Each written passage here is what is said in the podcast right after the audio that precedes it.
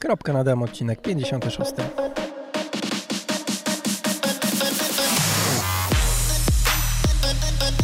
Cześć, jestem Marcin i właśnie słuchasz mojej audycji o triatlonie. Poznasz w niej fajne osoby, dowiesz się ciekawostek odnośnie treningu i sprzętu i co najważniejsze, posłuchasz o tym, jak pozostać normalnym człowiekiem. Bo choć sport to całe nasze życie, to jednak życie to nie tylko sport. sport.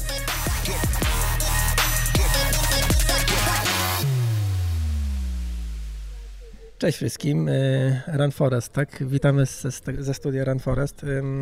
Dzisiaj jest ze mną Andrzej Skorykow i chciałem porozmawiać o tym i o pływaniu, bo znaczy tu przed, przed rozmową w sumie rozmawialiśmy, że, że o wszystkim możemy gadać, ale jednak porozmawiamy o pływaniu. Szkoda. Ile można.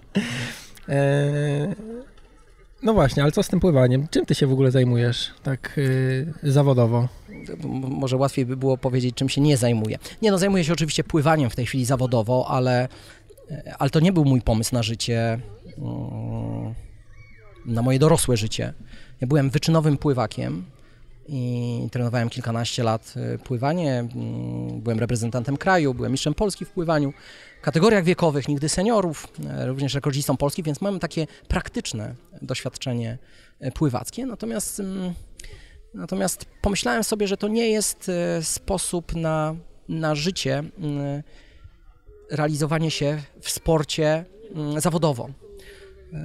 I chciałem spróbować biznesu i przez ponad 20 lat, można powiedzieć, realizowałem się na innym polu, niesportowym. E, prowadziłem między innymi przez 20 lat zakład produkcyjny, poligraficzny, opakowaniowy. E, oczywiście od kilkunastu lat już równolegle z, z tym, czym się zajmuję, czyli z pływaniem. Trenowaniem. E, trenowaniem, natomiast ja wróciłem jakby w trakcie na basen i wróciłem dlatego na basen, bo, bo z kolegą założyłem się, że popłynę w wieku tam 30 kilku lat jeszcze setkę delfinem poniżej minuty. I on w to nie wierzył, a ja twierdziłem, że to jest żaden problem. No, problem był, e, ale się udało, tak, ale się udało. No, jak się udało i przygotowywałem się do, tych, do tego mojego startu, to e, zaczęło przychodzić na moje treningi trochę osób, które chętnie ze mną trenowały. Osoby mi trochę przeszkadzały też e, w treningu, więc ja postanowiłem, że udzielę im porad po moim treningu, żeby po prostu przyszli później, wejdą do wody, ja ich podszkolę technicznie, następnie zostawię im zadanie główne na kartce, które mogą realizować sami, a już sobie pójdę do domu. E, oczywiście robiłem to charytatywnie, tak? Nie, w życiu nie pomyślałbym, że, mm, że mógłbym od swoich znajomych brać za to pieniądze i, i do momentu, dopóki e, kierownik basenu nie, nie wyrzucił nas z tego basenu, no, ponieważ nie można na większości basenów e, prowadzić zajęć zorganizowanych. On, kierownik uznał, że nasze zajęcia już były zorganizowane mm, z brzegu. E, w związku z tym kazał nam zapłacić za tory, no, ale kazał nam zapłacić takie kwoty, których y, nie byliśmy albo nie chcieliśmy nawet płacić, ponieważ mhm. większość, większość tych kierowników chce za wynajęcie toru co najmniej dwa razy tyle, e, co potrafi zarobić e, sprzedając bilety w kasie. Tak? Czyli, hmm, czyli jeżeli na no, przykład w Warszawie, zasadzie, tak. jeżeli w Warszawie za wynajęcie toru bardzo często jest to kwota 150 zł, mhm. a bilet w kasie kosztuje 14 zł i nigdy w życiu na tym torze nie pływało więcej niż 5 osób, więc ja uznałem, że ten kierownik chce nas ukarać za to, że my tam przychodzimy. I dlatego chce nam taką cenę zapłacić. Ale okazało się, że na większości basenów w Warszawie mhm. są takie ceny. A to nie tylko w Warszawie. Więc, tak znaleźliśmy, więc znaleźliśmy taki basen najtańszy, można powiedzieć, i tam mm, zrobiliśmy tak, że zrzuciliśmy się na ten tor, a ja dodałem 20% na ryzyko. A mhm. że jak ktoś nie zapłaci, albo gdzieś będzie jakaś podwyżka i uznałem, że jak zostaną pieniądze, to przeznaczymy je na koniec sezonu na piwo albo na produkcję czepków i tak dalej. No i jak się domyślasz, te, te grupy zaczęły się rozrastać, tak, z tych kilku czy kilkunastu osób. Ewoluowało. Co roku był przyrost około tam 20%. Ewoluowało do tego stopnia, że w tej chwili mamy ponad 300 e, osób trenujących, e, trenujących e, u nas w klubie. Jakiego rodzaju ludzie przychodzą na te treningi y, do ciebie? Czy to są osoby młode, nie wiem, niepełnoletnie, uczycie dzieci, czy to Nie, są nie uczymy, mastersi? nie uczymy dzieci. Czasami rodzice proszą, mm, żeby dołączyć swoje dziecko do, do naszej grupy. Ja się przed tym bronię. Mhm. Mm, Nie potrafię pracować z dziećmi. Myślę, że część naszych trenerów, których dobieramy również, nie do końca są wyspecjalizowani w prowadzeniu zajęć z dziećmi. Jest, u mnie jest jeszcze jeden problem.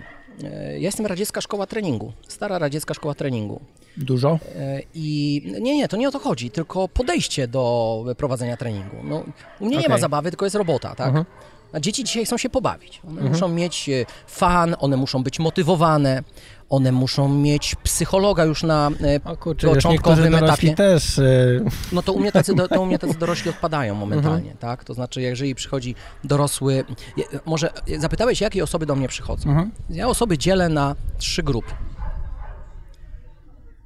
Słabo zmotywowanych, właściwie zmotywowanych i przemotywowanych. Mhm. I to jest chyba jedyny podział osób, e, e, jedyny podział, jaki stosuję e, u siebie w grupach. Osoby niedomotywowane, no wiadomo, próbujemy zmotywować bardzo delikatnie, żeby też nie przemotywować, tak? Osoby właściwie zmotywowane są najlepsze i o nie dbamy najbardziej, bo, mm, ale oczywiście musimy być bardzo ostrożni żeby ta motywacja nie spadła, ale również, żebyśmy swoimi działaniami nie spowodowali, że staną się przemotywowane. Natomiast z osób przemotywowanych e, najczęściej bardzo szybko rezygnujemy. Wprowadzają zamęt jakiś? No tak, Czy- no to, to są no, osoby przemotywowane, to są wampiry emocjonalne. I teraz czy to będzie korporacja, czy to będzie Okej. mały biznes, czy to będzie klub sportowy, e, będą psuły atmosferę. Tak? Będą wykańczały trenera, ale będą również wykańczały osoby w grupie. Trener przychodzi do takiej grupy i nie wie czemu, bardzo źle się w tej grupie mu pracuje. Chociaż uwielbia swoją pracę, to ta godzina stwarza mu e, duży problem. Wystarczy, że na liście obecności e, zorientuje się, że e, wampira emocjonalnego nie było dzisiaj na treningu i już rozumie, dlaczego z tą grupą mu się tego dnia dobrze pracowało. Także to jest dosyć, to jest dość duży, do, dosyć poważny e, problem wśród dorosłych, tak? bo dzieci nie są przemotywowane. Ro, y, y, y, rodzice tych dzieci mogą być przemotywowani i to jakby jest podobna sytuacja, że mamy wtedy problem z rodzicem dziecka, jeżeli prowadzimy klub młodzieżowy czy dziecięcy. Mm, Natomiast wśród dorosłych, no to tych przemotywowanych jest sporo, tak? Mhm, mhm. Hmm. Jakieś niespełnione ambicje, czy po prostu Najczęściej niespełnione- taki jest, że wiesz, trzeba być albo zajebistym, albo się zniknie w tłumie? No ale dzisiaj, żeby być zajebistym, to wystarczy sobie parę fotek strzelić na Facebooka, dobrze je opisać i, i nie trzeba jakoś tam specjalnie trenować. No, ubrać się można, prawda, i już wystarczy. Mm, Jesteśmy pokoleniem średniactwa. Mm, Kiedyś, żebym wystartował w zawodach pływackich, to musiałem kilka lat ciężko trenować. No tak. Dzisiaj mm, jeszcze nie trenujesz dyscypliny, a już się możesz zapisać na zawody. Ale to źle? Znaczy zależy jakie zawody, Nie chciałbym Ale- oceniać, tak? Po prostu em, Znaczy wiesz, bo dzięki temu jakby ten ruch na dyscypliny, na Znaczy dzięki temu, powstał, dzięki temu nie? biznes się kręci, masz rację. Bo jakby, I, nie wiem, I organizatorzy mogą zarobić e, całkiem pokaźne No kwoty. biznes biznesem, ale nie wiem, jest impreza mm, Bieg Świętego Dominika, to się chyba nazywa w Gdańsku, Mistrzostwa Polski na 10 kilometrów. E, No i możesz się zapisać tylko jak, e, jak masz tam szansę. Nie wiem dokładnie jak to wygląda, no ale tam Mhm. nie przychodzą ludzie z przypadku, tak? No to super, tak. Nie, także myślę, że po prostu są imprezy, które są dla, e, dla tych, którzy prezentują poziom i są imprezy otwarte, czyli większość. Tak, tym, t- jeden tylko przykład, bo, bo pewnie Mhm. nie mamy czasu, żeby o tym za dużo rozmawiać, ale dużo więcej kobiet na świecie biega niż mężczyzn. No. Nieporównywalnie, uprawia bieganie, jogging okej. Mhm. i uprawia bieganie. Nieporównywalnie mniej startuje w zawodach. Mhm. jakby wszystko na ten temat, tak? To znaczy, nie każdy musi startować w zawodach, nie każdy Mhm. musi często startować w zawodach, nie każdy musi szukać zawodów na świecie, w których osiągnie miejsce, którym musi się pochwalić albo może się pochwalić, tak?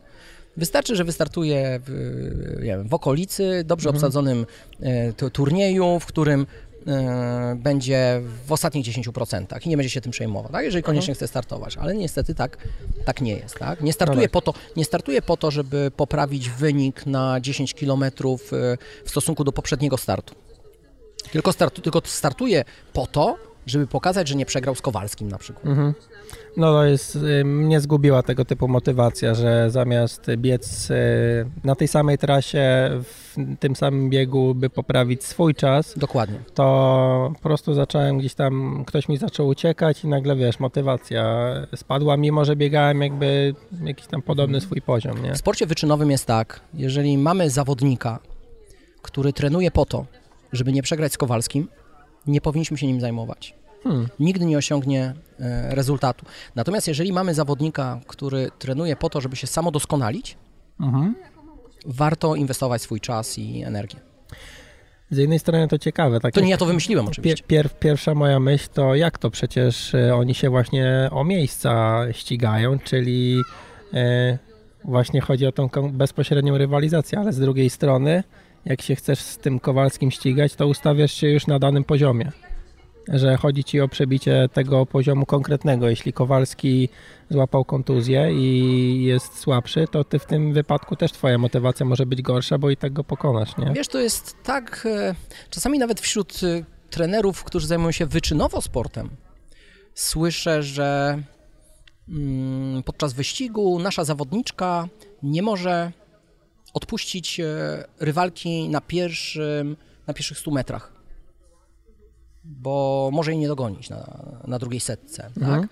No a przecież ta zawodniczka nie musi patrzeć na rywalkę, czy ona odpływa, czy nie, bo ma ustalone 4,50 w jakim tempie ma popłynąć, żeby uzyskać optymalny wynik, najlepszy swój wynik. Mhm. Jeżeli popłynie swój najlepszy wynik, to pobije rekord świata.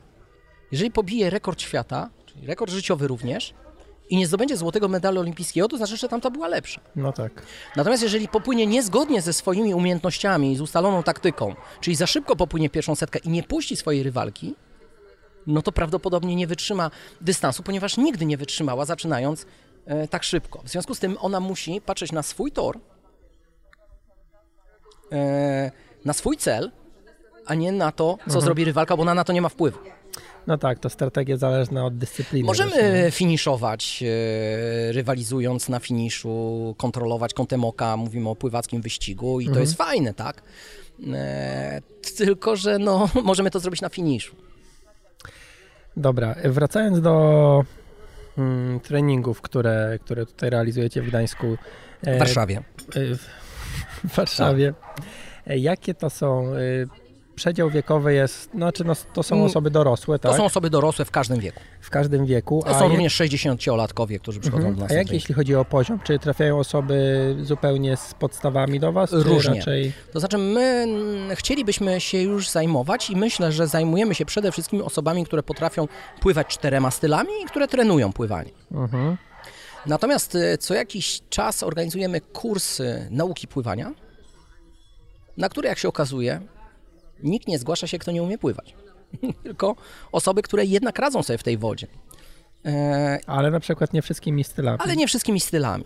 I mm, wtedy te osoby z tych kursów bardzo chętnie chcą dołączyć do naszych grup treningowych po takim kursie. I wtedy dla nich tworzymy grupy o mniejszym poziomie, o niższym poziomie zaawansowania. Mhm. Oczywiście mm, dosyć szybko, jeżeli są tylko systematyczne te osoby, dosyć szybko e, poprawiają swoje rezultaty, no i za chwilę stają się całkiem dobrymi amatorami pływania. Czy trenujecie głównie pod zawody open water, czy również w napływalniach, na basenach? Yy, trenujemy pływanie. To trochę tak, nie wiem do czego Wiesz by to co, dla mnie porównać. open water to jest zupełnie inna dyscyplina jakby niż... Nie, nie, bo jeżeli zobaczysz, jeżeli zobaczysz e, na pływaków e, open water, to są pływacy basenowi. Mhm. Nie są pływacy open water, to są pływacy basenowi, którzy akurat wygrywają z pewnych powodów, wygrywają wyścigi open water e, i jest kilka prawdopodobnie powodów, dlaczego open water wygrywają, a nie na basenie. Czyli na przykład mogą mieć gorsze nawroty na basenie. Mhm. E, mogą, tu pewnie niektórzy trenerzy będą ze mną dyskutowali, mogą mieć trochę gorszą technikę od swoich kolegów. E, Co to oznacza? Że potrafią płynąć w nurcie, czyli w nogach, koledze, nie pokonując samodzielnie oporu wody i płyną dzięki temu w dużo niższym zakresie intensywności, tak jak na rowerze płyniemy, jedziemy na, na kole, koledze. Natomiast w momencie, kiedy e, mieliby dostać ten opór wody, no wtedy te umiejętności są troszeczkę gorsze. Jak również specyficzne zdolności czerpania energii, czyli potrafią płynąć wyścig dwugodzinny dosyć wysokiej intensywności i jeszcze bardzo szybko popłynąć ostatnie 200 metrów, czyli taki przedłużony sprint, nazwijmy to, ostatnie 200 metrów, czyli e, w granicach dwóch minut wysiłek. Nie każdy potrafi po dwugodzinnym wysiłku No tak. e, zbliżyć się do rekordu życiowego na ostatnich 200 metrach, tak, do, do 200 uzyskanej SOT. Więc mają takie specyficzne umiejętności. Natomiast myślę, że czy kwestia nawigacji, to jest wszystko do nauczenia. Powiem tak, im jesteś sprawniejszym pływakiem na basenie, tym będziesz lepszym pływakiem open water. No tak. Okej, a taki jeden przypadek chciałem poruszyć. E, może będziesz miał jakieś przemyślenia na ten temat. E, jeśli jesteś coraz lepszym pływakiem na basenie, ale każde twoje wejście do wód otwartych na dalej niż 50 metrów od brzegu kończy się może nie atakiem paniki, ale po prostu zawracasz, płyniesz do brzegu, koniec Mhm. pływania. Mhm. Oczywiście tu bardziej mówimy o głowie niż o jakichkolwiek y, Mhm. umiejętnościach. Miałeś może takie przypadki i poradziliście sobie z tym w jakiś sposób? Znaczy to jest kwestia oswajania na pewno, Mhm. ale mogą być różne inne, które, mm, na którymi powinniśmy się zastanawiać i brać pod uwagę. To może być astma Mhm. lękowa. Mhm. I teraz e, my możemy nie mieć świadomości, że mamy astmę. Czy wysiłkową, czy lękową. I teraz wypływamy 50 metrów od brzegu, czujemy niepokój, e, zaczyna zaciskać oskrzela, w związku z tym nasza panika jest potęgowana, czyli jakby nie Mhm. radzimy sobie ze stresem. Normalnie byśmy sobie z nim poradzili. Mm, I nawet nie kojarzymy tego z trudnościami z oddychaniem, Chociaż jak się zastanowimy, to może się okazać, że faktycznie coś nas tutaj e, w Ściska. klatce piersiowej ściska Mhm. mm, i może to być problem na przykład lękowy, astmatyczny, tak? Hmm. E, również, e, jak wiemy, mm, bardzo często mówisz o tym wypłynięciu na 50 metrów o triatlonistach, którzy wypływają w piance. Pianka powoduje wzrost ciśnienia tętniczego. Mhm. Również zimna woda powoduje wzrost ciśnienia tętniczego. Możemy tak reagować na e, podniesione ciśnienie, tak? Możemy tak reagować. Coś się dzieje z naszym organizmem, prawda? Czyli od strony medycznej również należałoby e, zastanowić się, co się dzieje z naszym organizmem, kiedy wchodzimy do zimnej wody, kiedy wchodzimy do wody w piance, w piance, która ma e, kołnierz, który nas uciska, Mhm. A jak ma kołnierz i mamy problemy astmatyczne, to tym bardziej ten kołnierz potęguje te problemy. No i na przykład mamy astmę. Okej, czyli tu w ogóle można na wiele sposobów sobie próbować Tak, tylko nie chciałbym, żeby teraz takim wszyscy radzić. tłumaczyli, że problem lękowy wiąże się z którymś z tych, które wymieniłem. Mhm, Problem okej. lękowy może się wiązać z problemem lękowym. Za rzadko wchodzimy tak, w do, ogóle jakieś doświadczenia własne. za rzadko wchodzimy do wody wchodzimy. otwartej, Mhm. ale, y, ale wiesz, zawodnicy wyczynowi mają problemy lękowe, jak wypływają sami. Szczerze mówiąc, tak chyba nie wypływają często sami gdzieś na środek jeziora. No, kwestia bezpieczeństwa też chociażby. Nie? Dokładnie, no wiesz, no, nigdy nie zasłabłeś, a akurat jak w tym momencie zasłabniesz, Mhm. tak? I przychodzi ci to do głowy jeszcze na środku jeziora, że może Okej. zasłabnąć. Yy, Dziewczyny boją się jakichś golonów, że ich tam zaraz ryba ugryzie, prawda, i tak dalej. I, i wiadomo, że to jest, yy, że, że to jest niemożliwe, tak? Ale jednak gdzieś tam wyobraźnia działa. No, słuchaj, jakiś artykuł się pojawił, że gdzieś tam w jeziorze na Pomorzu pływa jakiś wielki sum. Mhm. I nie pamiętałem nazwy jeziora, nazwy zbiornika. Pojechaliśmy na jezioro, na które zwykle jeździmy sobie mm, robić open water. E, No i ja płynę, płynę, tak gdzieś mi to akurat przypomniało się podczas płynięcia i patrzę, a pode mną po prostu, wiesz, coś wielkiego, czarnego. Słońce miałem za sobą, czyli to był mój cień generalnie. Ale już y, i zdawałem sobie sprawę, od razu sobie powiedziałem, że to jest przecież mój cień. Ale jakby do końca płynięcia patrzyłem na ten cień i mm, byłem zesrany, nie? Że wiesz, no jednak głowa, nie? Coś, co sobie wyobrazi i e, no i tam popłynąłem, co miałem popłynąć, ale byłem po prostu wystraszony cały czas. Wiesz, ja pływam ponad 40 lat, jak startowałem wyścig przez Ciesinę Bosfor, Mhm. Mm, to też w pewnym momencie zorientowałem się, że mam e, k- kilometr e, 200 do e, brzegu po stronie azjatyckiej, kilometr po stronie europejskiej Nie ma żadnej łodzi obok mnie, nie ma praktycznie już pływaków, bo gdzieś tam powyprzedzałem, a poza tym na, tym, na tej cieśninie Bosfor oni się porozpływali, więc przy tej ilości ludzi nawet, y, no to po prostu nie widziałeś za bardzo. Mhm. No wiesz, gdzieś musisz dopłynąć i, i też pojawia się taki, taki moment, zaraz, no nikt mnie nie śledzi, nikt mnie nie pilnuje. A co jeśli, nie?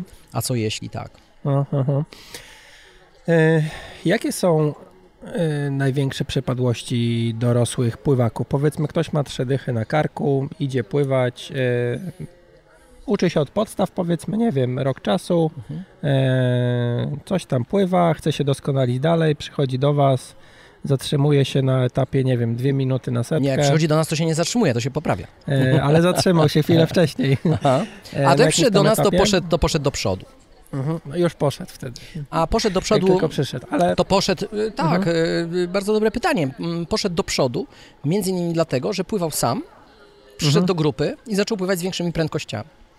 Albo przyszedł do grupy, w której jest trener i trener podpowiada mu co chwilę, co ma zrobić, żeby pływał szybciej, tak? ekonomiczniej, mhm. przyjął pozycję bardziej opływową, co jest ważne w tym jego pływaniu, w tej jego technice, na co powinien zwrócić uwagę, co jest jego silnymi stronami, które powinien pielęgnować i rozwijać dalej, e, co słabymi, e, które również powinien poprawiać, bo jak poprawi, to, to staną się silnymi i, i będzie wtedy super pływakiem.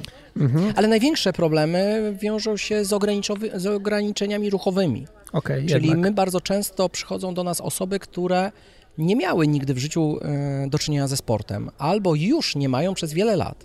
Mhm. Natomiast mają siedzący tryb e, pracy, często mają jakąś nadwagę, mhm. często jakieś e, zwyrodnieniowe sprawy. Największy problem to jest siedzący tryb pracy, czyli zamknięte biodra, mhm. wysunięta do przodu broda, czyli odcinek piersiowy cofnięty do tyłu, tak? czyli tak jak mają staruszkowie, prawda? To mhm. często już mężczyźni czy kobiety 40-letnie już też pojawia się ten e, problem z prawidłową e, postawą.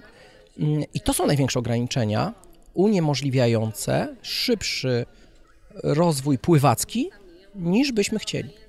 Czy uważasz, że kwestie zakresów ruchów na przykład, czy to można poprawić z biegiem czasu w naszym wieku? E, tak i niestety nie zawsze przy pomocy stretchingu. Mhm. Mm, tylko czasami trzeba się wybrać do fizjoterapeuty, mhm. do dobrego fizjoterapeuty i żeby ocenił e, nasze ułomności, które powstały w wieku dorosłym, e, związane z e, trybem życia mhm. i żeby zaradził temu. Natomiast też chcę powiedzieć, że trening pływacki jest świetną rehabilitacją, bo jeżeli ja sobie przypominam moich zawodników, którzy Mm, którzy przyszli do mnie i mieli olbrzymie ograniczenia w ruchomości, czyli no nie wiem jak to zobrazować, no tak jakby e, połknęli kij od szczotki i chcieli popłynąć e, delfinem, prawda? Czyli mhm. e, potrzebny jest do tego elastyczny kręgosłup, e, mięśnie, które harmonijnie pracują. Ale nie mają takiej możliwości, tak? Albo mają zamknięte biodra, czyli wysunięty kuperek do tyłu, mhm. tak jak kulą, jak piesek przy siusianiu, tak? Mhm. No i, e, ale okazuje się, że po dwóch latach te biodra poszły do przodu, biodra się otworzyły, mm, ten kręgosłup zaczął pracować, tak? Zrobił się bardziej elastyczny, te mięśnie zaczęły bardziej harmonijnie pracować, a nie był u fizjoterapeuty. Czyli jakby trening pływacki w jakiś sposób go rehabilituje. E, ja również zadaję takie ćwiczenia, które mają rozciągać. Nieraz trenerzy mówią, dlaczego e, pływają z deską, albo ci zawodnicy moi, dlaczego mam mieć głowę nad wodą, płynąc z deską? Mhm. Właśnie dlatego, żebyś trochę porozciągał ten odcinek piersiowy w drugą stronę. Jest po prostu zamknięty. Wiem, że sprawia to trudność, ale jeżeli troszeczkę w ten sposób popływasz, no to no to faktycznie go sobie troszeczkę usprawnisz. A jeśli mam problemy na przykład właśnie z tym, że to co mówiłeś, kuperek na górze, mm. brzuch na dole, tak, czyli biegnę tak jakby miał, to się mm. chyba lordoza nazywa, e, to pływanie z głową w przypadku płynięcia z deską to nie jest u powiększanie tego problemu? Znaczy, ja, no wtedy teraz, jeszcze bardziej się, e, wiesz, nie wiem, wyginać. Nie, no? tak, nie, e, tak, ale bardziej chodzi mi o to, że musimy wygiąć się odcinku piersiowym. Bo to, że mhm. tam wygniemy się w odcinku lędźwiowym nam nic nie da. Mhm.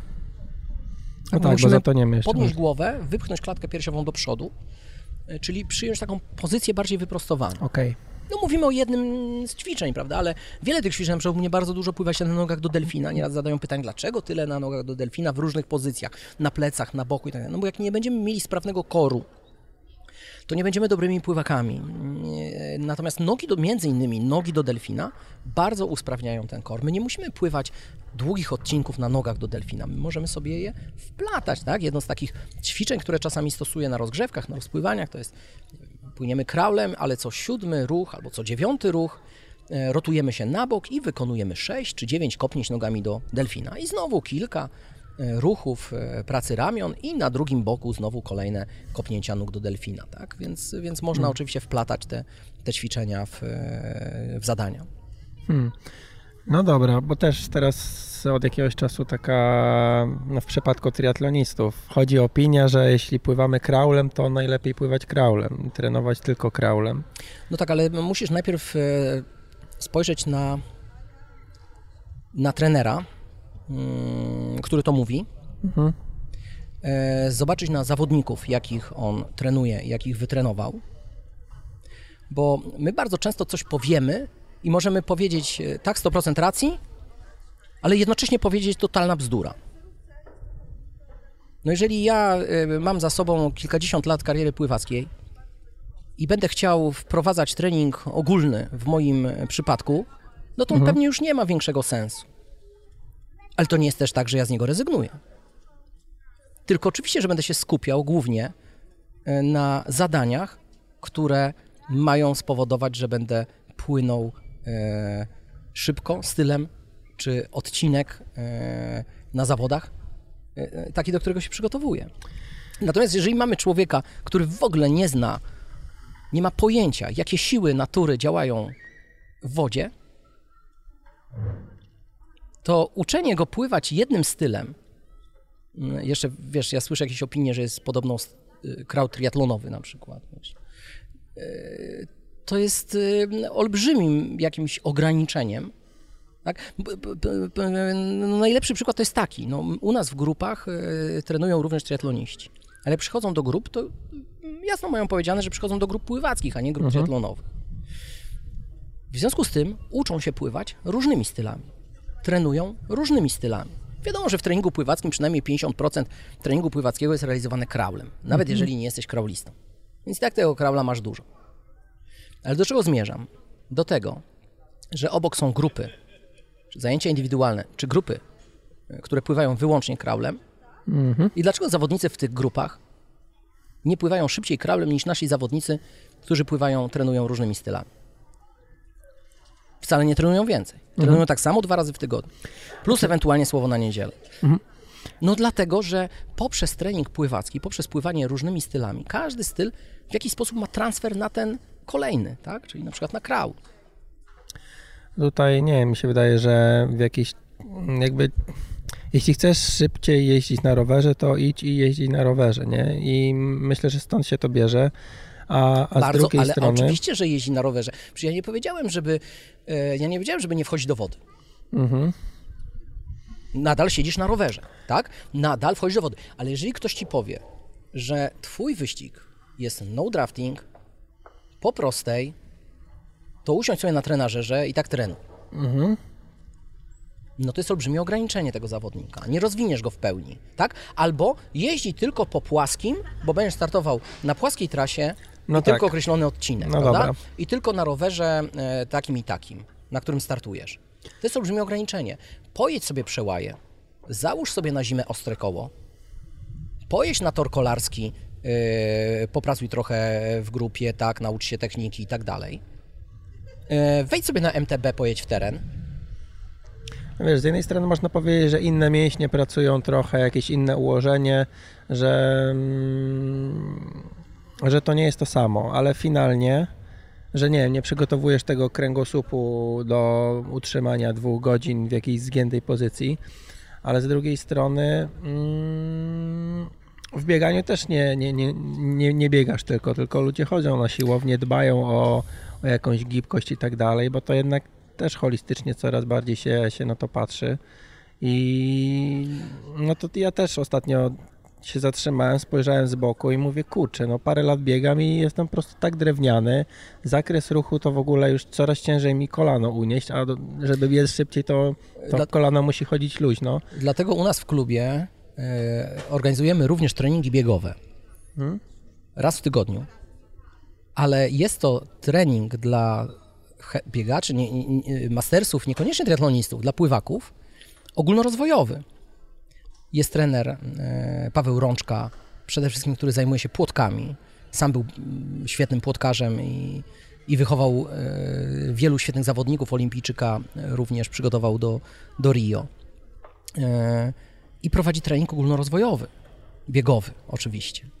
Między innymi dlatego, że uważa, że biegać to możemy sami.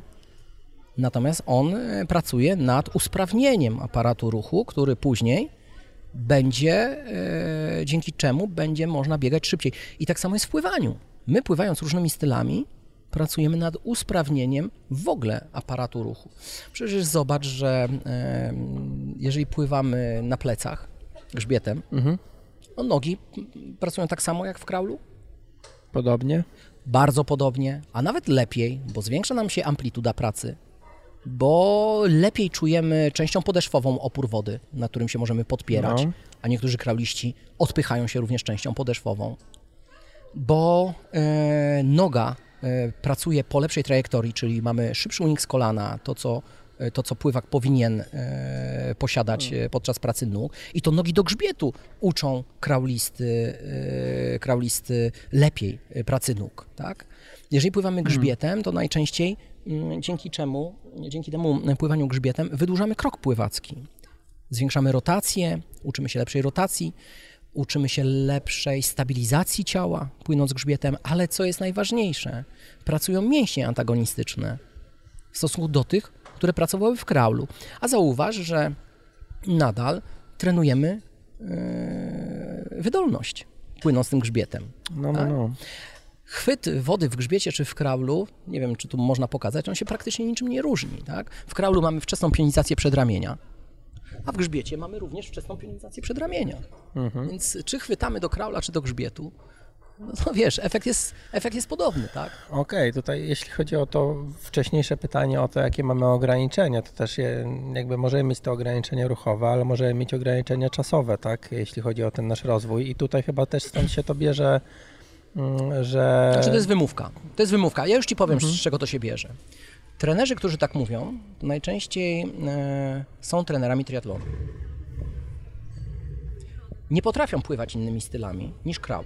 Jak możesz kogoś uczyć pływać, jeżeli się na tym nie znasz, tak? Innymi stylami. Mhm. No zawsze będzie ci, e, zawsze będziesz uważał, czy zawsze będziesz głosił teorię, że lepiej pływać kraulem niż innymi stalami. No bo ja też pływam tylko kraulem, tak? Też startowałem tylko kraulem i też trenowałem tylko kraul. No tak, tylko ile pływałeś 400 kraulem? Albo ile pływałeś 1500 kraulem na basenie? Wiesz, to jest y, tak jak y, niektórzy... Mm, oczywiście trener nie musi być świetnym pływakiem. No dobrze, to jakiego pływaka wytrenowałeś, który popłynął 4 minuty 400 y, kraulem? A jakiego wytrenowałeś, który popłynął 4,30? A mhm. może 5? No zdecydowana większość tych trenerów nie wytrenowała pływaka, który popłynął szybciej niż 5.30 400 kraulem.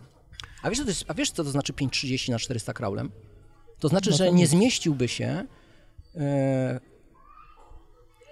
w dziesiątce najlepszych pływaków na świecie w kategorii plus 75 lat. Myślę, więc, że kogoś więc młodego powiedz mi, Więc powiedz mi, czy, e, czy naprawdę potrzebujemy super fachowca, który będzie mówił nam, nie pływajcie e, innymi stylami, tylko pływajcie kraulem, bo ja się na tym znam, bo ja wytrenowałem młodego chłopaka, który popłynął 5,40 400 kraulem.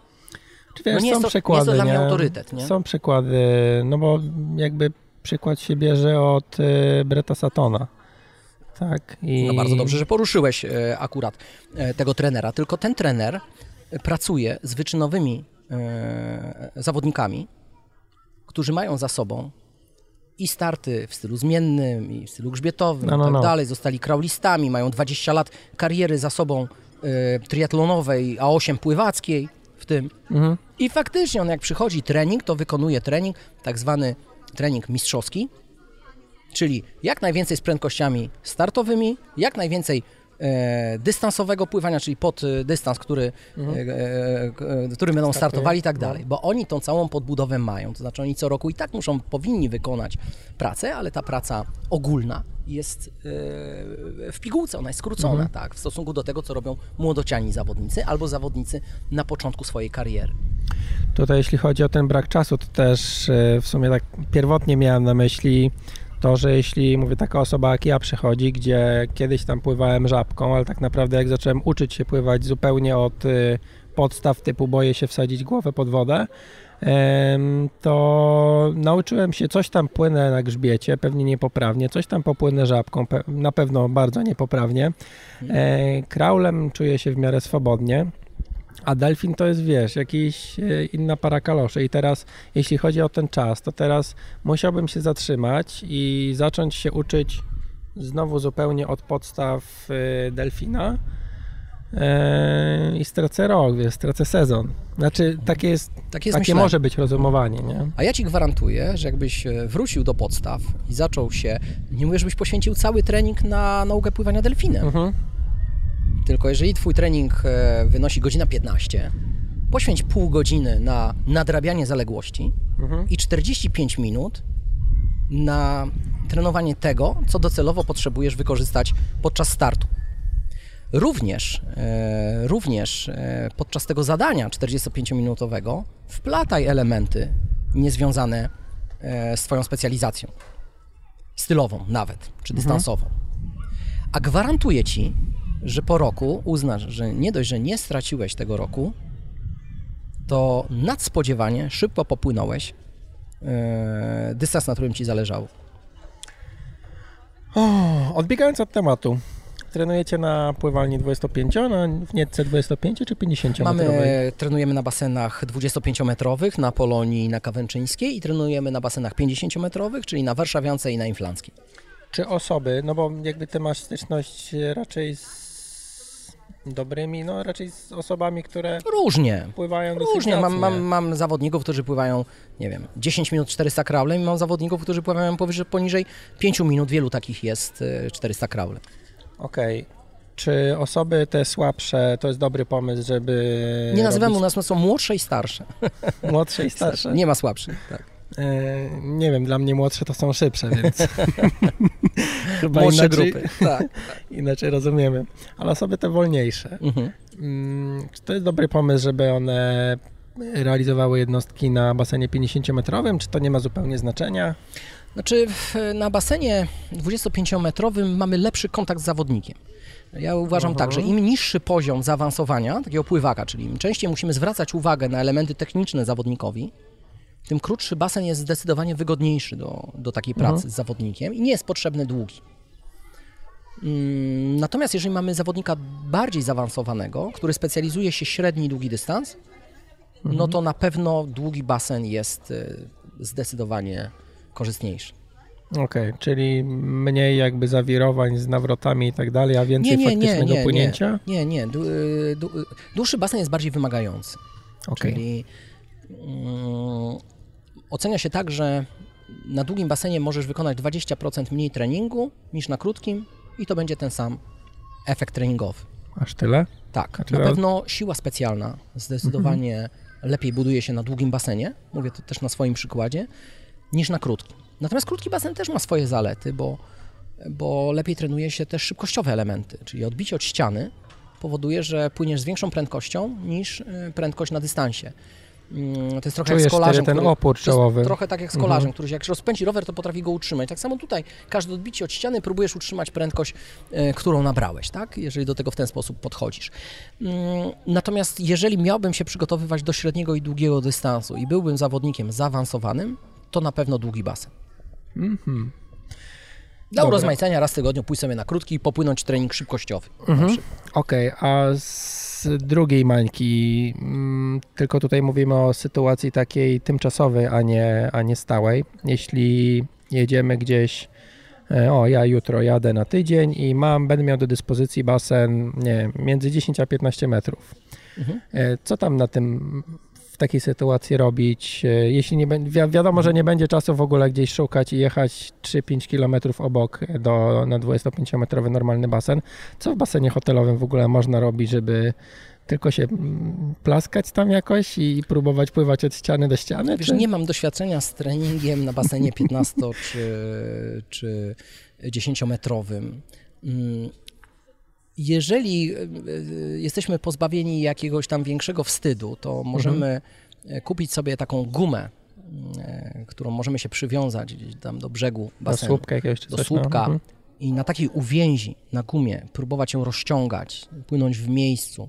Na pewno taki trening pozwoli nam nawet nie tyle zwiększyć siłę pływacką, co jednak może mieć wpływ na poprawę techniki, no, chwytu, pociągnięcia. To jest takie doświadczenie moje spływania na gumie, którą musiałem rozciągać przez 25 metrów, że masz odczucie, że jest coraz ciężej i mhm. może się okazać, że nie dopłyniesz tam do tej ściany. Ta guma cię już zatrzymała wręcz, tak? mhm. zatrzymała cię.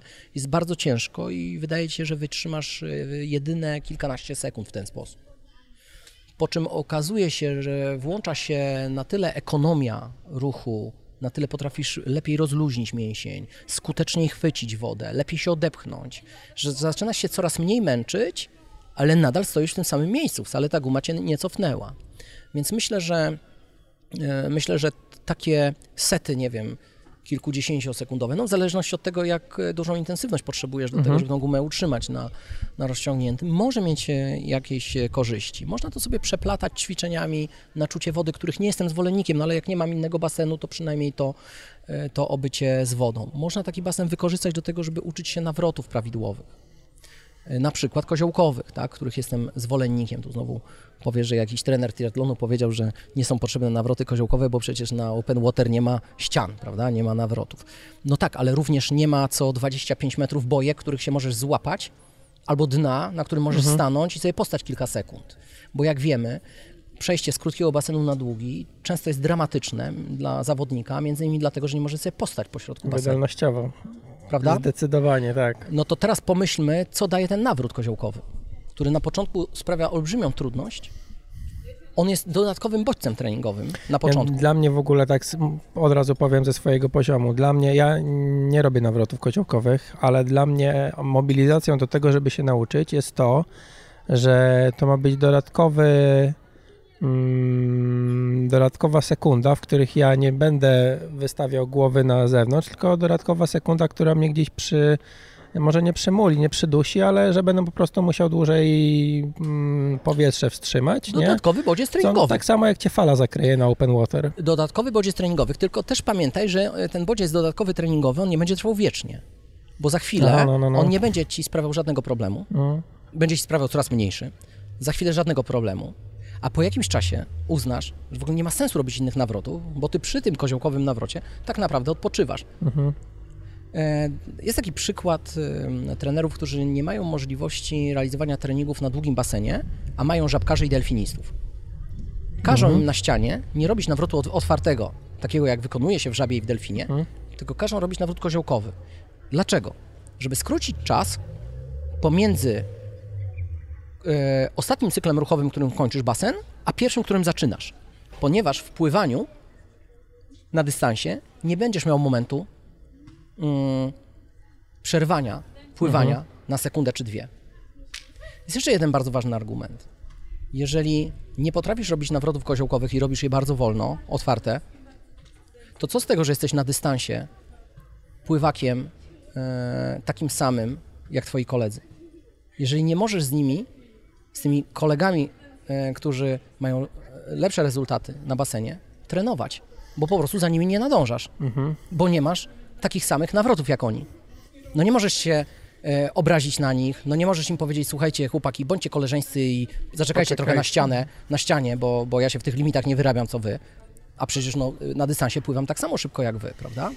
No, musisz trenować z grupą słabszą, a nie z grupą lepszą. Tylko dlatego, mhm. że nie robisz nawrotów koziołkowych. Mhm. Ale wiesz, to jest taki problem, że do sportów wytrzymałościowych bardzo często trafiają osoby, które nie mają ochoty kształtować technicznych elementów. Najważniejszy jest zegarek, wcisnąć, e, Znaczy z pływaniem to ciężko, nie... No właśnie, i tu, tu czasami jest e, zgrzyt, tak? Bo czasami Znaczy- ktoś stoi przy ścianie, ja coś tłumaczę i mam wrażenie, że, że on się denerwuje, bo, bo on powinien kilometry tłuc, nie? Bo, bo, bo jak on później sobie w dzienniczku zapisze, że co, przepłynął dwa razy mniej niż zwykle? Mhm. Znaczy jak y, wchodzimy w jakiś tam poziom wtajemniczenia, to tak naprawdę jak ja patrzę, no to też można nad technikaliami, wiesz, technika biegu, technika kręcenia korbą, kurczę, no co tam może być dziwnego, tak? Kręcisz dookoła, jednak można kręcić mniej lub Oczywiście. bardziej efektywnie. No stąd też ćwiczenia typu kręcenie jedną nogą, nie? Gdzie się patrzy, gdzie jakie Czy ostre koło, które dzisiaj, którego dzisiaj się nie używa, tak? A, a to jest e, umiejętność kręcenia równego e, pedałem, tak? Kiedyś całe, Mhm. całą zimę e, triatloniści, kolarze oczywiście, bo tego się uczyliśmy od kolarzy, jeździliśmy na ostrym kole, dzisiaj tego nie ma. Oj, co jeszcze powiesz ciekawego, jeśli chodzi o pływanie? Co mamy zrobić, żeby pływać szybciej? Pływać więcej? Jeśli pływamy trzy razy w tygodniu, Znaczy pływać będziemy pływali szybciej? szybciej. Nie ma możliwości, żebyśmy nie pływali szybciej, żebyśmy się nie poprawiali. Bardzo często nie poprawiamy się e, nie dlatego, że mamy zły trening, bardzo często inne czynniki e, wpływają na to, że nie poprawiamy się w pływaniu. Na przykład zbyt duże obciążenia treningowe. Mhm. W grupach u mnie pływackich dużo szybciej poprawiają się osoby, które nie trenują triatlonu w porównaniu do tych, które trenują triatlon. Najmniej poprawiają się ci, którzy trenują bardzo dużo tego triatlonu. No tak, ale to chyba się nie regenerują. Też, y, kwestia i regeneracji i też chyba większych spięć później, jakichś napięć w organizmie. Ale przede wszystkim bra- mięśni. brakuje regeneracji. Ja zawsze podaję taki przykład, kiedy miałem faktycznie jedną grupę triatlonową chłopaków mm, i zgłosiły się do mnie dwie dziewczyny. Obie ma, miały nadwagę. Obu tym dziewczynom lekarz zalecił e, pływanie, żeby rehabilitować kręgosłup. Miałem dwa miejsca w grupie triatlonistów i właśnie te dziewczyny tam do tej grupy wcisnąłem. Mhm. Mm, uznając, że może są za mało zmotywowane do tego, żeby wytrwać w ogóle w grupach, więc sobie wcześniej czy później odpadną. No oczywiście nie miały szans z tymi triatlonistami, bo to byli chłopcy, którzy amatorsko, ale solidnie trenowali sport. Nie mieli szans na początku. Natomiast te dziewczyny robiły bardzo szybkie postępy. I po kilku miesiącach okazało się, że pływają równo z tymi chłopakami. Po kolejnych kilku miesiącach, jeszcze sezon się nie skończył, okazało się, że już pływają pierwsze na torze. A zdarza się, że tych chłopaków urywają. Niektórzy z nich byli bardzo sfrustrowani. Jak to się dzieje? Przecież oni mają przeczytanych mnóstwo książek. Oni analizują wszystkie treningi, oni mają trenerów. Oni korzystają z fizjoterapeutów i tak dalej, i tak dalej. I nie robią takich postępów jak dziewczyny, którym nie zależy tak na sporcie, przychodzą się tutaj rehabilitować. Tylko, że te dziewczyny uprawiają sport trzy razy w tygodniu. Oni uprawiają 13. sport trzy razy dziennie, tak? Przyznają się do No. dwóch, ale jakbyś tam dobrze policzył, to no, to jest tak jak, wiesz, jak ze snem, tak? Ktoś mi mówi, że się nie, poprawia, prawda? Jest pierwsze pytanie, dobrze, powiedz mi, ile ty śpisz w nocy?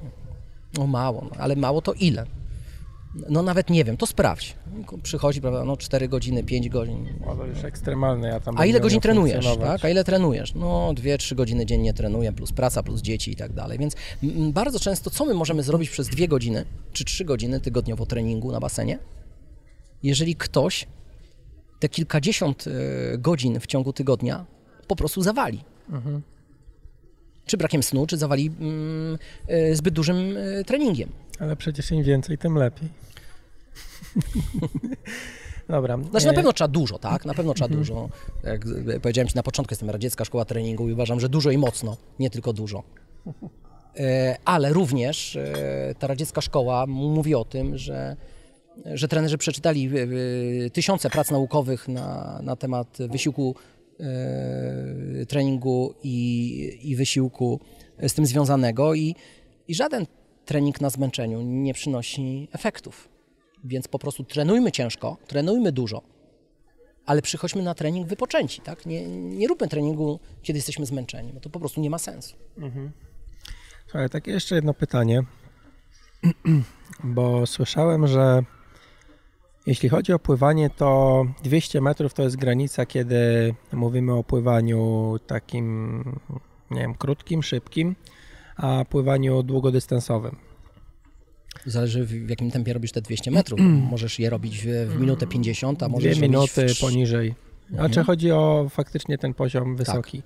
I teraz, czy w takim wypadku, jeśli mm, pływamy dobrze, ale no nie wiem, jeśli mówiłeś o tych 400 metrach, powiedzmy Mhm. 6 minut, poniżej 6 minut, czyli minuta 30 na, na setkę, jeśli powiedzmy mówimy o takim poziomie, Mhm. to czy trening do pływania, znaczy nie trening, ale czy pływanie, samo pływanie, jeśli chodzi o sposób naszego poruszania się do dystansu 750 metrów sprint w triatlonie, a open water, nie wiem, 10 kilometrów, e, czy są jakieś e, różnice, które łatwo można wyłowić? Nie wiem, w przypadku na przykład triatlonu mimo krótkiego dystansu, że jakoś mniej nóg używamy, czy, czy w przypadku 10 km, że jakieś dłuższe wyleżenie, czy po prostu wszystko się wolniej dzieje. Znaczy na pewno 10 km i 750 metrów to są dwa różne dystanse.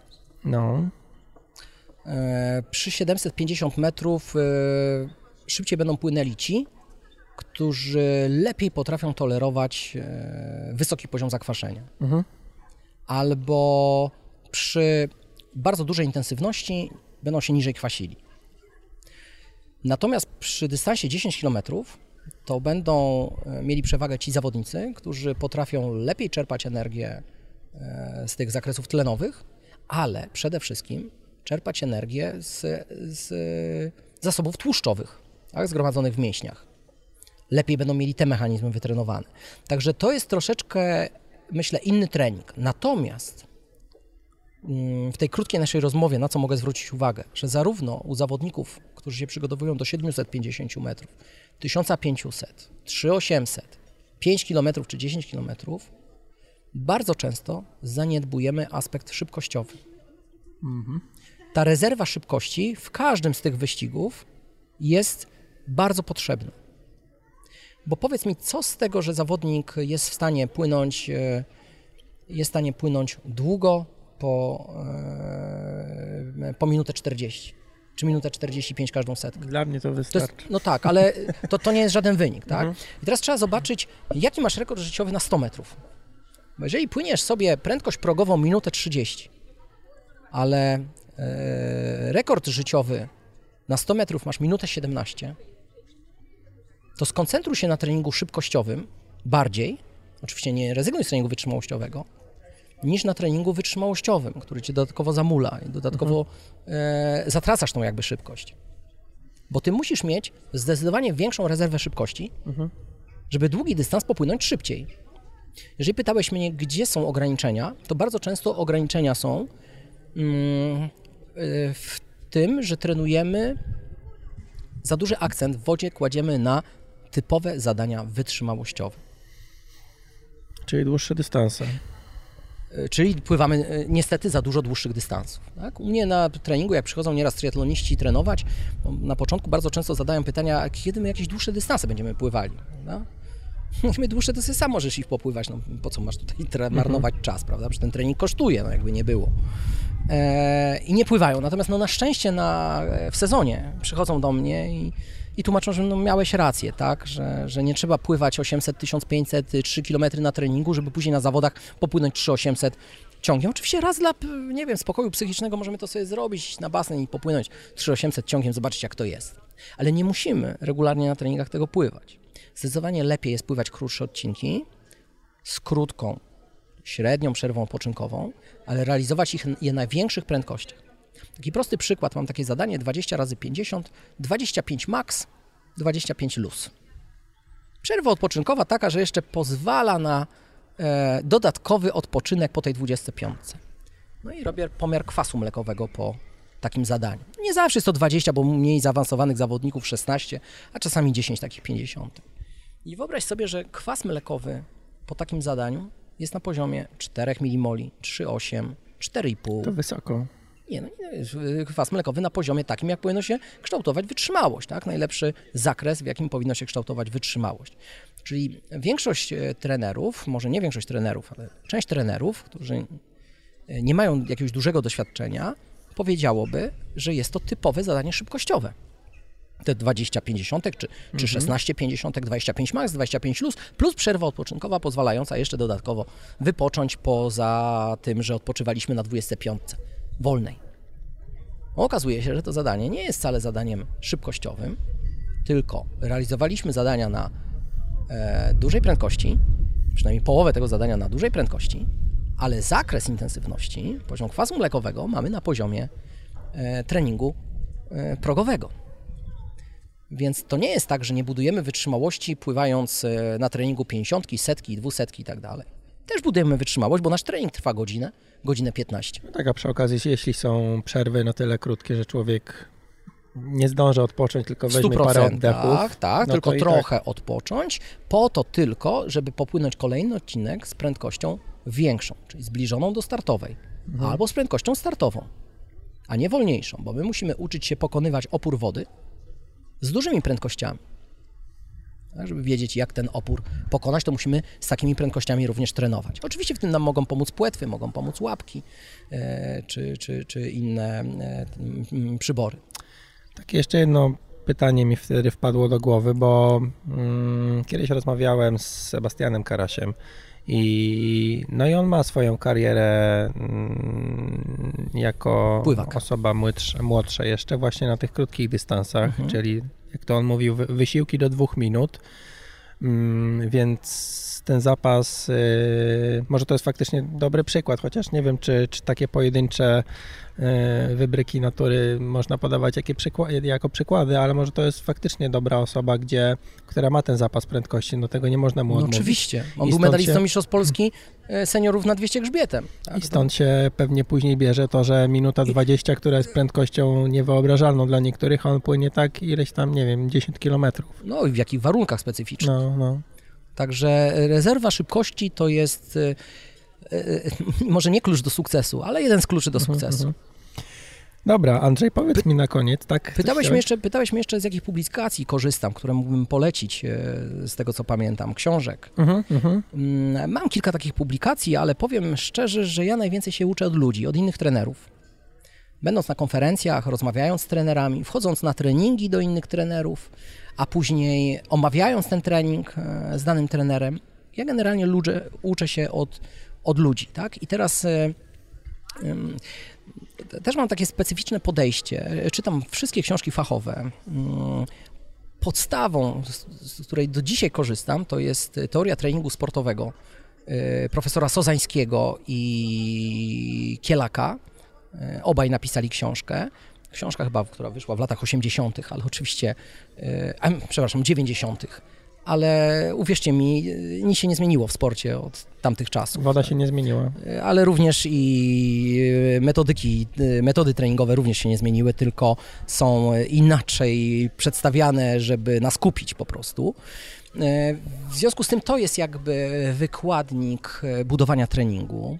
Mm, mm, Taka fajna publikacja wyszła zresztą, można powiedzieć, e, twojego e, ziomala, bo e, doktora na pewno, nie wiem czy już nie profesora, ale doktora e, Rakowskiego, mm, który napisał książkę mm, e, trening pływacki, chyba nowoczesny trening pływacki, kurczę, zapomniałem tytułu, ale to jest super publikacja, e, głównie dla trenerów e, pływania, ale również, ale również zawodnicy, którzy są zaangażowani w trening, też mogliby sobie tą książkę przeczytać. Jeżeli chodzi o takie e, publikacje mm, anglojęzyczne, to na pewno wszystkie Swim Smootha, e, które bardzo fajnie mm, przedstawiają nam i proces treningowy, i technikę. Mm, Nie dość, że w przystępny sposób to naprawdę e, interesujące są doświadczenia tych trenerów spisane. I właśnie tego mi brakuje w polskich publikacjach, bo książek o bieganiu to, o bieganiu to chyba mamy mnóstwo, natomiast o pływaniu ich nie mamy. Może kwestia jakiejś tego, ile ludzi uprawia daną dyscyplinę? No, pły- pływa więcej ludzi niż biega. Ludzi więcej pływa niż biega. No co ty? Tak. E, No tak, ja wiem, w to nie wierzymy, ale niestety tak jest i z każdą osobą z biznesu, z którą porozmawiasz, która zajmuje się sprzedażą sprzętu do biegania i do pływania, to każda ci powie, że przynajmniej tyle samo. Hmm. Mówimy o systematycznym również pływaniu, tylko po prostu ludzi pływających nie widzimy, bo, No tak. bo oni pływają na basenach. E, A na pewno jest to taka tendencja światowa, czy europejska, czy, czy, czy, czy światowa. Mówimy o krajach wysoko rozwiniętych, że więcej ludzi pływa niż, e, niż biega. Mm, problem chyba w Polsce jest taki, że osoby, które mają olbrzymią wiedzę o pływaniu, nie chcą lub nie potrafią napisać książki. Natomiast książki najczęściej piszą osoby, które są związane z uczelniami. Ja nie twierdzę, że to są złe książki, to są bardzo dobre książki, ale one nie zawsze są wystarczająco praktyczne. Dlatego mówię, że fajnie jest czerpać wiedzę od ludzi i teraz te cegiełki wiedzy składać sobie do kupy i budować e, no, własny warsztat trenerski dzięki, dzięki wiedzy tym, tym moim kolegom. Analizować wiedzę, nie? Bo jakby tak. wiedza sama to aż tak dużo nie ma, jak jednak gdzieś tam posypana tą doświadczeniem, praktyką i tak Doświadczenie, dalej. Doświadczenie, praktyka to jest to, co ja zawsze powtarzam, czy ja ci zadam pytanie, czy młody trener może być dobrym trenerem?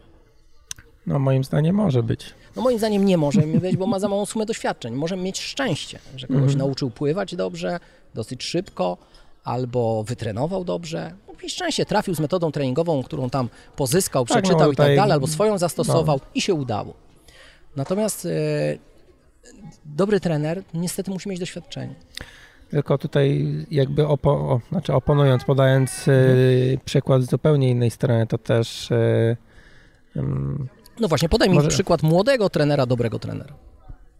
E, znaczy, no ja do mojego trenera na przykład nie mam zastrzeżeń, ale to będzie e, mało subiektywne chyba. A, a możesz mi podać nazwisko? Tomek Spaleniak.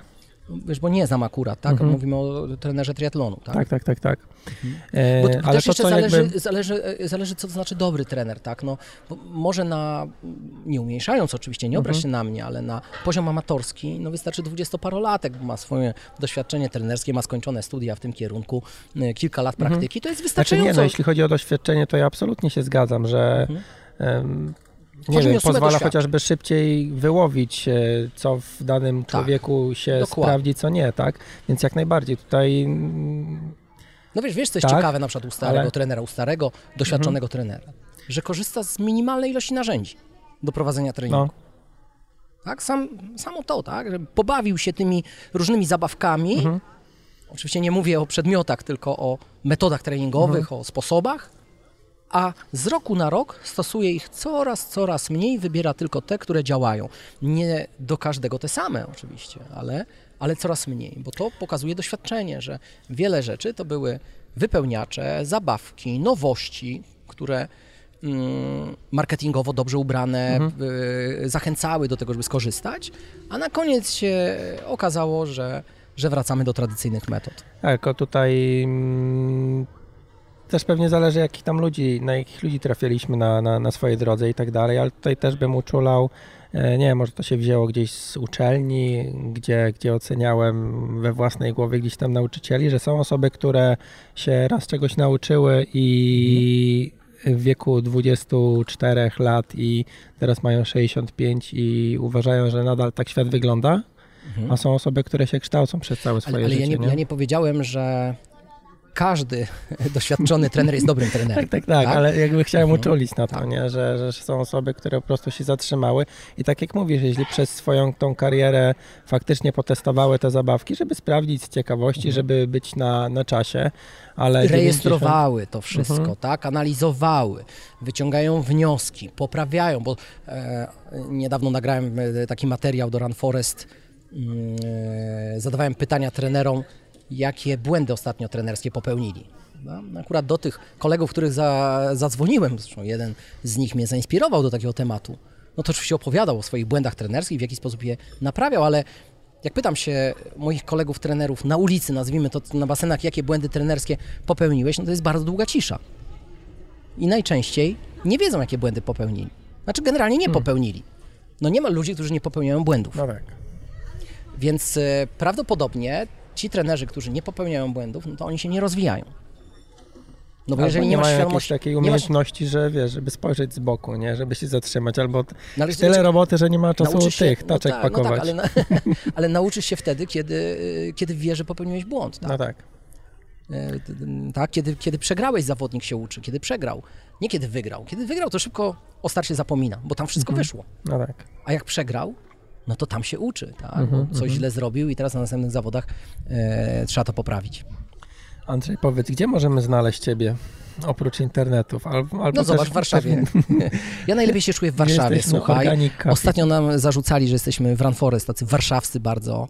E, ja się tego nie wstydzę, jestem warszawiakiem e, z dziada pradziada, co prawda e, mój pra, pra, pradziad przyjechał tu do Warszawy jako oficer armii carskiej, stąd nazwisko Skorykow, robić porządek z Polakami, ale tak mu się tu spodobało, że no, że ja też tutaj cały czas mieszkam i nie wyobrażam sobie, żeby się stąd przenieść. Także tutaj w Warszawie najlepiej.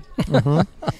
ale tak jak ktoś będzie chodził po Warszawie i ciebie szukał, to mam raczej małe szanse. Wiesz co, jak zapytasz tak e, na ulicy o Skorykowa, to trafisz szybko na, na, na, na kogoś. Gorzej, gorzej jak zapytasz o, o czołowych triatlonistów polskich, staniesz przed, e, na dworcu centralnym i zaczniesz wypytywać o nazwisko, kto to jest. No nie chcę tutaj nikogo obrażać, mm, ale, ale oczywiście tym naszym profi zawodnikom wydaje się, że oni są bardzo znani i, i, i dziwne, że, że, że sponsorzy nie stoją w kolejce. No niestety tak nie jest. Tak? A to wiesz, jak zapytasz w jakiej kolejce kolejności się uprawia dyscypliny w triatlonie, to też nie będą wiedzieli, tak? czy osoby z no dworca. No właśnie, dlatego też nie przeceniajmy jakby popularności tego triatlonu. E, czasami takie no skromniejsze no podejście do dyscypliny jest naprawdę zdecydowanie lepsze. Jak siedzimy i otaczamy się tymi ludźmi, no to jednak wiesz, jakby nie było innego świata, tak. sobie wyobrażamy, ale to A jest to jest raptem parę tysięcy ludzi w Polsce, więc... No, no, no, no. E, ale gdzie Cię możemy znaleźć? Jesteś na Facebooku, tworzycie Run Forest, czy gdzieś jeszcze? Gdzieś na jakich pływalniach? Jakby ktoś chciał napisać do Ciebie, zapytać się, zapisać? No, wiesz, no, najlepiej zadzwonić. Znajdzie stronę masters.waw.pl i, mhm. i tam znajdzie telefon do mnie. Jak nie odbiorę, to oddzwonię, bo nie odbieram, kiedy prowadzę zajęcia. E, czy kiedy rozmawiam, e, nie, nie, odbieram telefonu, ale później oddzwaniam. Rozumiem, że pytasz o to, jak może trafić do grup, które prowadzę treningowych. Tak. Mhm. Tu może być pewien problem, bo my nie mamy za bardzo miejsc w grupach treningowych. Ale oczywiście każde takie miejsce u nas e, dostanie. Tylko czasami trzeba chwilkę zaczekać. Mhm. Mm, niekoniecznie trafi do mnie, trafi do innych trenerów, którzy pracują z nami w klubie w Warsaw Masters Team, bo zatrudniamy ośmiu trenerów e, u nas w klubie i e, każdy z tych trenerów jest świetnie przygotowany często dużo bardziej zaangażowany na treningu, a to zaangażowanie jest e, najważniejsze, dużo bardziej zaangażowany niż ja, e, więc korzyści wynikające z pływania u trenerów u nas e, w, w klubie są, wydaje mi się, naprawdę duże. Także, także zachęcam oczywiście do pisania do nas, zarejestrowania się przez formularz zgłoszeniowy, wybrania sobie grupy. Również organizujemy obozy sportowe, ale też na te obozy niestety w pierwszej kolejności otrzymują zaproszenia członkowie klubu i znikają te miejsca w 100%. E, ale robimy różnego rodzaju e, eventy, jak treningi Open Water na Jeziorku Czerniakowskim, ale również zawody e, Open Water na Jeziorku Czerniakowskim, które będą po raz piąty przez nas organizowane 16 czerwca w Warszawie. Zachęcamy do zapisów. Mamy ograniczoną liczbę osób, zawsze 100% frekwencji, czyli około 250 zawodników startujących. To jest na ten mały akwen naprawdę bardzo dużo. Oczywiście puszczamy zawodników seriami w różnych konkurencjach.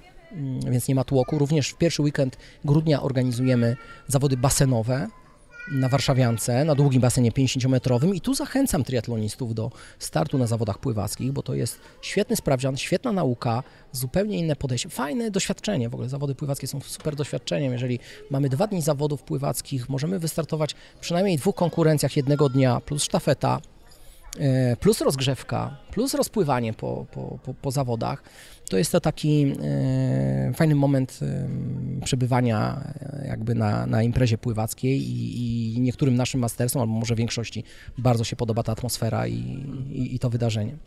Jeśli chodzi o takie zawody basenowe, to o ile tam nie mam jakichś problemów z własnym ego czy wstydem, to o ile jestem w stanie się z biegu zapisać na jakiś bieg, gdzie zajmę, wiesz, tam 150 miejsce, mhm o tyle z pływaniem mam problem, że jak będę ostatni, to mi tam rybka to, że będę ostatni, ale jednak głupio no, mi. No tak, ale pamiętasz, zaczęliśmy rozmowę od tego, mhm. Y, że musisz zacząć trenować po to, żeby się samodoskonalić, a nie po to, żeby nie przegrać z Kowalskim. No tak? tak? I zobacz, że kończymy rozmowę i nadal jest ten sam problem, no bo oczywiście ja zdaję sobie sprawę, że ciężko się go wyzbyć. Znaczy myślisz, że mam inne podejście? Też mam ten problem w jakimś stopniu, tak? Też trenuję po to, żeby nie przegrać z Kowalskim. E, e, oczywiście Tomek, nie mówię o, o tobie e, w tym momencie. Natomiast, natomiast powiem tak, na takich zawodach pływackich osoby mniej zaawansowane mają taki problem, o którym ty mówisz.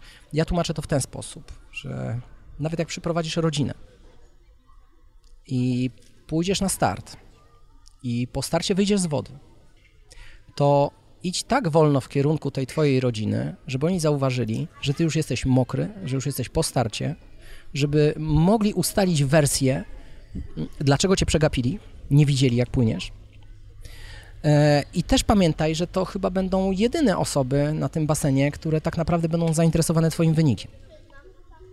Przecież w większości tych osób nawet nie chce się sprawdzić Twoich rezultatów w internecie, tak. jeżeli się nimi nie pochwalisz. No przecież nie musi się chwalić. Ja się nie chwalę swoimi startami w zawodach mastersów e, na Facebooku, tak.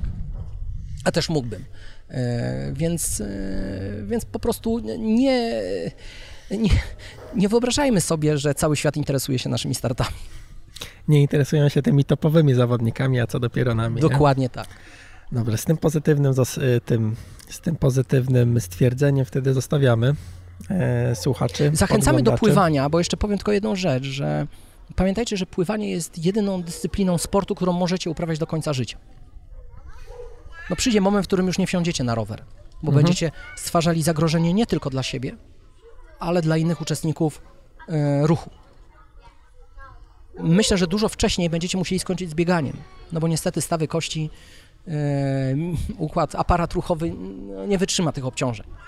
Natomiast pływać możecie do końca życia i dlatego między innymi uczcie się pływać wszystkimi stylami, uczcie się nawrotów, uczcie się taktyki pływackiej i tak dalej, żebyście mogli czerpać jeszcze więcej przyjemności z tego pływania właśnie do końca życia.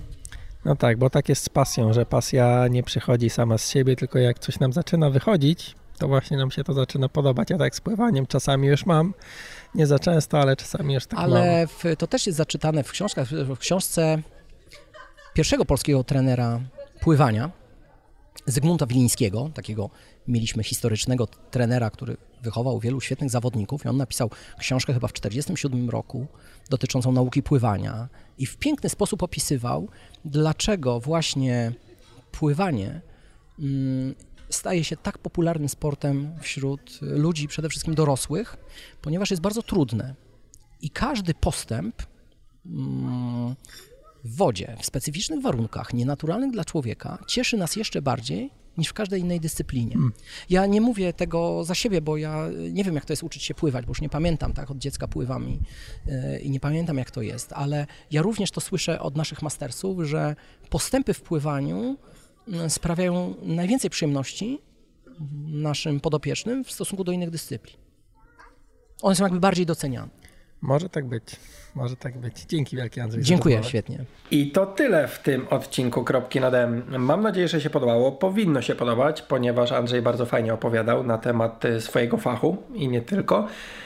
Y, mam jeszcze trzy tematy do przedstawienia. Po pierwsze, notatki do tego odcinka podcastu są na stronie ironfactory.pl łamane na 056, jako że jest to 56 odcinek Kropki nad M. Druga sprawa, która również się właśnie znajduje na, na stronie z notatkami, to zapis, formularz zapisu na bonus. W ten formularz wystarczy wkleić swój adres e-mail i nacisnąć, przycisk poniżej, poniżej tego maila.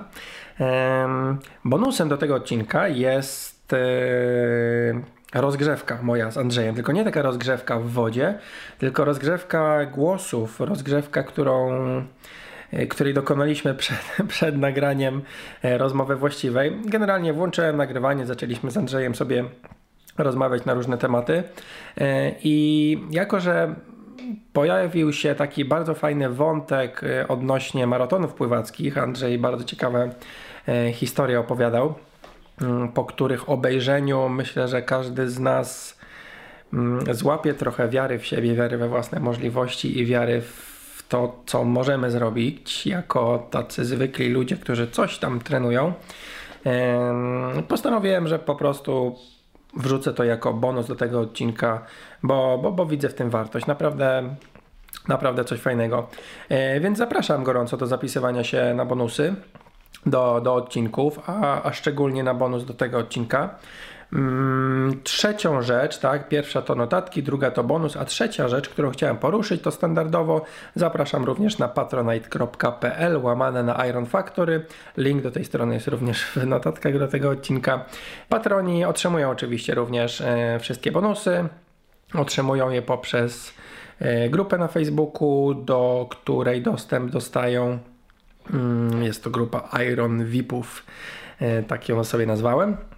Mm, wrzucam też tam z tydzień, czasami dwa tygodnie wcześniej przedpremierowo odcinki podcastu, jakieś wpisy y, też przedpremierowo, nad którymi pracuję lub które są prawie na ukończeniu.